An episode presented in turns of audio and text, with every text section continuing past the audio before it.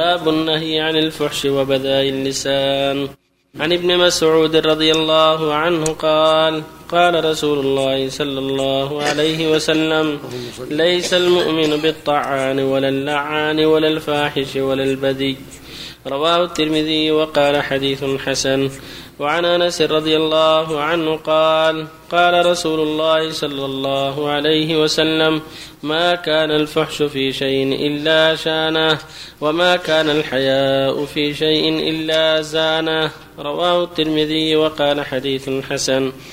باب كراهة التقعير في الكلام بالتشدق وتكلف الفصاحة. واستعمال وحشي اللغة ودقائق الإعراب في مخاطبة العوام ونحوهم. عن ابن مسعود رضي الله عنه أن النبي صلى الله عليه وسلم قال هلك المتنطعون. قالها ثلاثا رواه مسلم.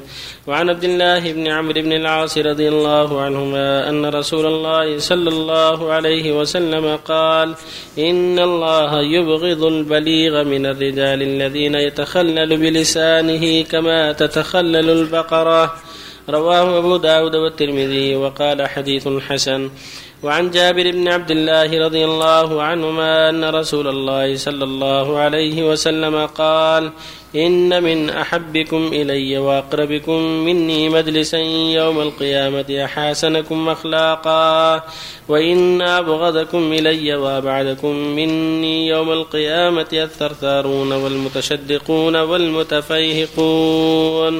رواه الترمذي وقال حديث حسن. وبالله التوفيق. بسم الله والصلاة والسلام على رسول الله وعلى آله أما بعد فهذه الأحاديث فيها التحذير من الفحش والتفحش وسوء الكلام والحث على طيب الكلام والحرص على الحياء وعدم التكلف في الكلام والتقعر. يكون سمحا في كلامه سمحا في مخاطباته لا يتكلف. ولهذا أخبر صلى الله عليه وسلم أن الله يبغض الفحش والتفحش وقال ليس المؤمن بالطعان ولا اللعان ولا الفاحش ولا البذيء. قال عليه الصلاة والسلام ما كان الفحش في شيء إلا شانة وما كان الحياء في شيء إلا زانة. فالمؤمن يتباعد عن الفحش في الكلام ورديء الكلام من ذكر الفواحش والمعاصي وقلة الحياء ويكون طيب الكلام نزيه اللسان ولا ينبغي له تقعر في الكلام والمبالغة. الحديث إن الله يبغض البليغ من الرجال أن يتقعر بلسانه ويتكلف. وكذلك قول صلى الله عليه وسلم هلك المتنطعون هلك المتنطعون هلك المتنطعون. قالها ثلاثة المتنطع متشدد المبالغ في الكلام بدون حاجة. وكذلك قول صلى الله عليه وسلم إن أحبكم إلي وأقربكم مني منزلة يوم القيامة أحسنكم أخلاقا. وإن أبغضكم إلي وأبعدكم من المنزلة يوم القيامة الثرثارون والمشدقون والمتفيقون. ثرثارون أهل الكلام الكثير بلا فائدة. والمتكبرون معروف التكبر والتغطرس والترفع على الناس وغمطهم واحتقارهم. المتفيق هو الذي عنده زيادة في التكبر والتكلف. فينبغي المؤمن أن يكون متواضعا طيب الكلام بعيدا عن الثرثرة والفحش وسوء الكلام والغيبة والنميمة. حريصا على الكلام الطيب والأسلوب الحسن والرفق والتواضع. هكذا المؤمن. التواضع يكون من أحسن خصال المؤمن التواضع والرفق وطيب الكلام. أما الفحش والتفحش والتكلف فليس من صفات المؤمن بل هو من صفات المتكبرين والمترفعين على الناس ومحتقرين للناس. نسأل الله للجميع الهداية.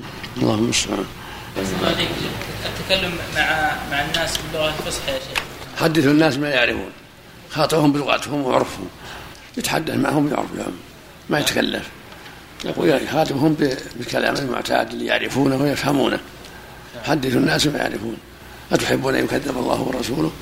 الناس يخاطبون بما يناسبهم وما يفهمونه حتى لا تشتبه عليهم الأمور. بارك الله فيكم. الإمام شرع في ما تيسر له من قراءة في القراءة الجهرية وشرع في الركوع رفع يديه قبل ولم يكبر. فظن أحد المأمومين أنه نسي الآية التي تليها فقرأها له. فأكمل الإمام القراءة ولم يركع ما يضره ما يضر. لكن إذا عزم على التكبير يكبر ولو ولو ترك بعض الآيات الحمد لله. وهو بلازم يقرأ الآيات كلها. هو شرف نوى إن هو إذا قرأ ما يضر. ما يضر تغيير؟ يضر ما يضر. هذا